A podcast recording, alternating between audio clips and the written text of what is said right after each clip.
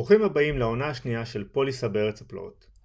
אחרי הפסקה והכנת חומרים לעונה הקרובה, הרבה דברים קרו ויש הרבה על מה לדבר. אחרי שבעונה הראשונה סקרנו בכלליות את סוגי הכיסויים האלמנטריים שיש, רכוש, צד שלישי ומעבידים, בעונה הזאת נתמקד על כיסויים ספציפיים יותר, ואעביר זאת בדרך קצת שונה ממה שהיה בעונה הקודמת.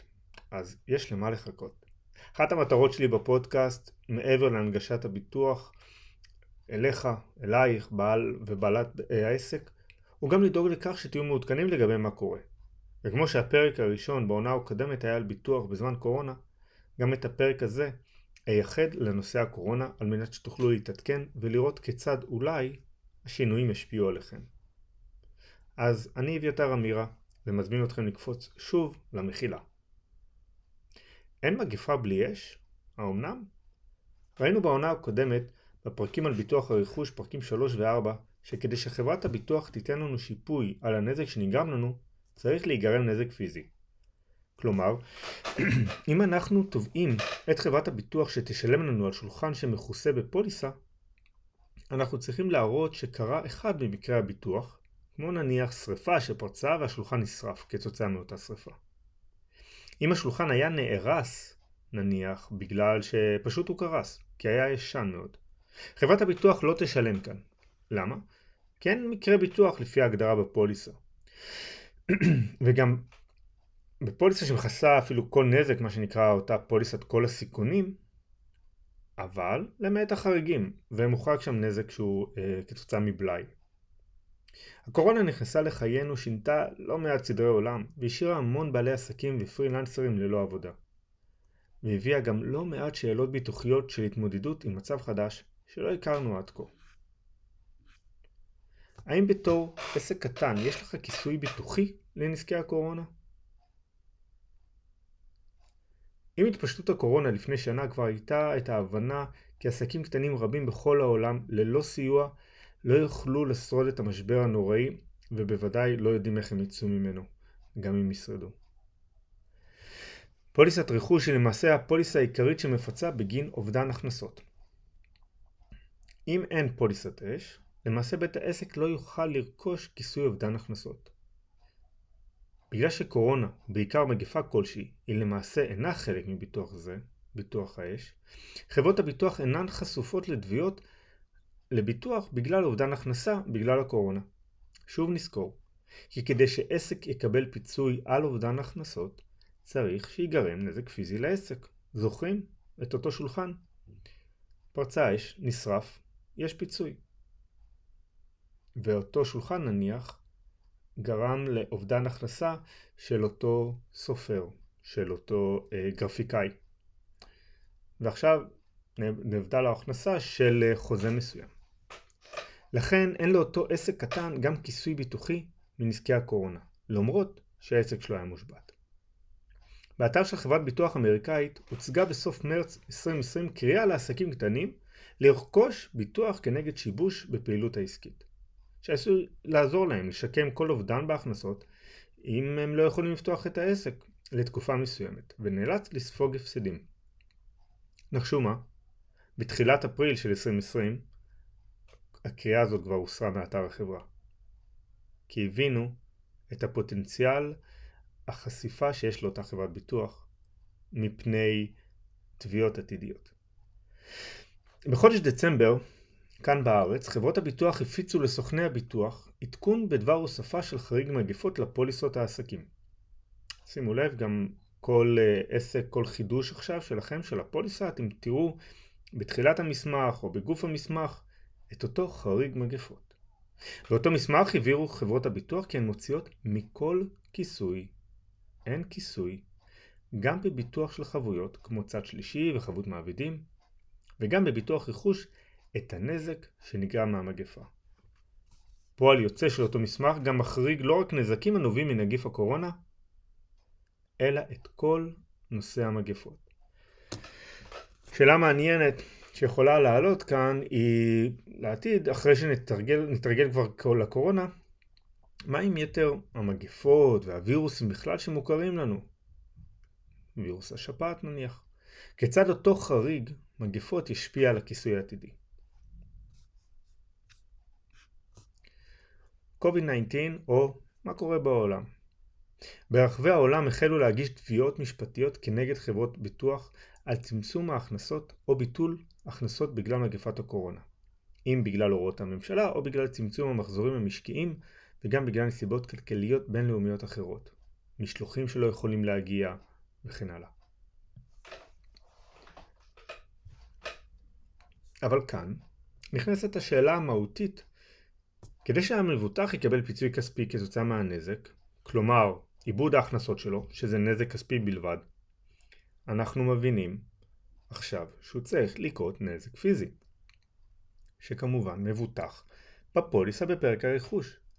וראינו כי זה לא המקרה בזמן הקורונה, העסק פשוט נסגר, לא קרה שום נזק, לא אש, לא פריצה, שום דבר. קריאה בעיתונות המקצועית, גם כאן בארץ, מביאה התייחסות בעיקר לאותם עסקים גדולים, שלרוב יש להם יועץ ביטוח ומערך ביטוחי רחב מאוד, עם התייחסות וכשהמבטח יחד עם המבוטח יודעים כאן אולי לתת מענה. אבל גם שם ברוב המקרים אין כיסוי או מענה למגפה בכלל ולקורונה בפרט. ומעט מאוד לאותם עסקים קטנים יש בכלל איזושהי התייחסות אה, ביטוחית כלשהי. אבל איך שזה נראה, כרגע כולם מושפעים מאותן ההחלטות.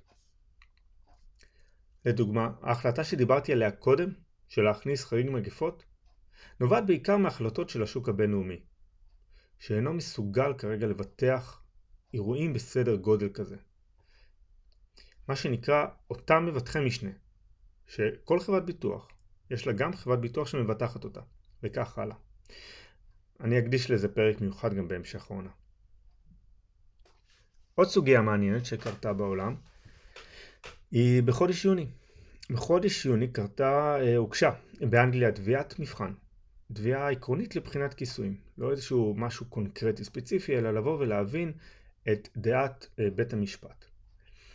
אה, התביעה הוגשה על ידי המפקח על הביטוח, שם באנגליה, שטען בשם מבוטחים בביטוחי עסקים, שרבים מהם היו עסקים קטנים ובינוניים, לכן אני גם מביא את זה אליכם, שזה חומש שהוא יותר רלוונטי מאשר פסיקות על uh, מבוטחים גדולים, שזה לא כזה גזירה שווה uh, אלינו, אלא על העסקים הקטנים. ושנגרמו uh, להם, לאותם עסקים, הפסדים כלכליים בגלל הקורונה. בפוליסות האנגליות ישנם מספר נוסחים רלוונטיים למקרה של הקורונה. נוסח שמוזכר בו כיסוי להפרעה עסקית כתוצאה או בגלל הופעת מחלה הניתנת לדיווח ברדיוס מוגדר מהמתחם המבוטח. או נוסח של מניעת גישה כאשר הייתה מניעה לגישה למתחם או השימוש בו כתוצאה מפעולה או הגבלה ממשלתית. או נוסח היברידי שהוא גם וגם. כלומר, כיסוי כאשר יש מגבלות המוטלות על המקום בגלל מחלה הניתנת לדיווח ברדיוס מוגדר. ממש לאחרונה, אחרי גלגולים אה, בבתי המשפט באנגליה, ב-15 בינואר 2021 ניתן פסק דין על ידי בית המשפט העליון באנגליה, שדחה פה אחד את הערעורים של המבטחים ואישר את כל ארבעת הערעורים של המפקח על הביטוח באנגליה. בשורה התחתונה מדובר בפסק דין שהוא חדשות טובות מאוד למבוטחים, לעסקים הקטנים שם באנגליה. פסק הדין נתן פרשנות רחבה יותר למילות הכיסוי המרכזיות בנוסח ההיברידי. כלומר גם כיסוי שיש בו מגבלות המוטלות על מקום בגלל מחלה הניתנת לדיווח באותו רדיוס מוגדר. פירוש הדבר שלמבטחת כלשהי באנגליה יהיה מאתגר מאוד לשלול כיסוי או להפחית שיפוי עבור מבוטח רק בגלל שמדובר בקורונה ובכל מקרה אחר של מחלה כן היה מכוסה. ומה לגבינו? מה לגבי ישראל? הפוליסות אצלנו כמו שהבנתם הן שונות ואין את הנוסחים ההיברידיים האלה או אה, הדומים שיש באנגליה ובעיקר דורשות נזק פיזי. אבל אה, המציאות החדשה ככל הנראה תצטרך להביא גם לפתרון חדש לטובת בעלי העסקים הקטנים, כך אה, שמעניין יהיה לראות כיצד הפסיקה באנגליה תשפיע על המבטחים פה בארץ, ותזכרו גם שיש עכשיו את החריג מגפות שיצא.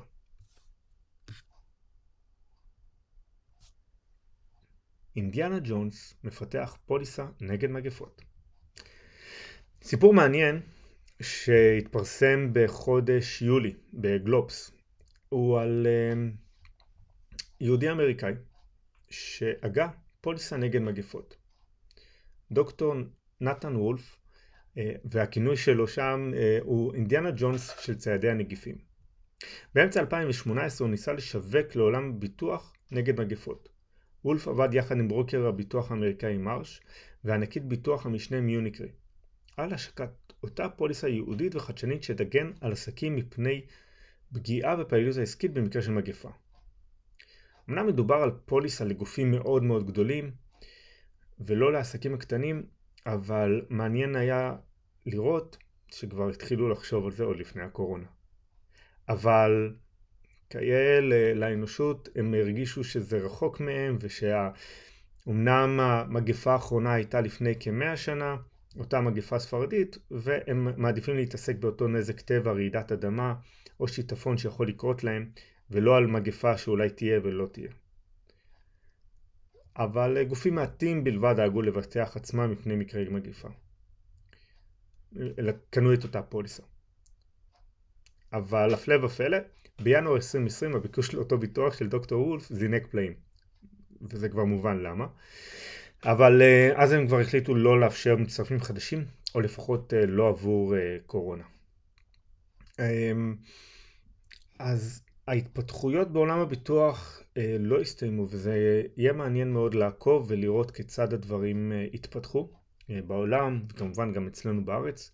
תהיו בטוחים שאני אהיה כאן כדי לעדכן אתכם. עד כאן הפרק הראשון לעונה השנייה.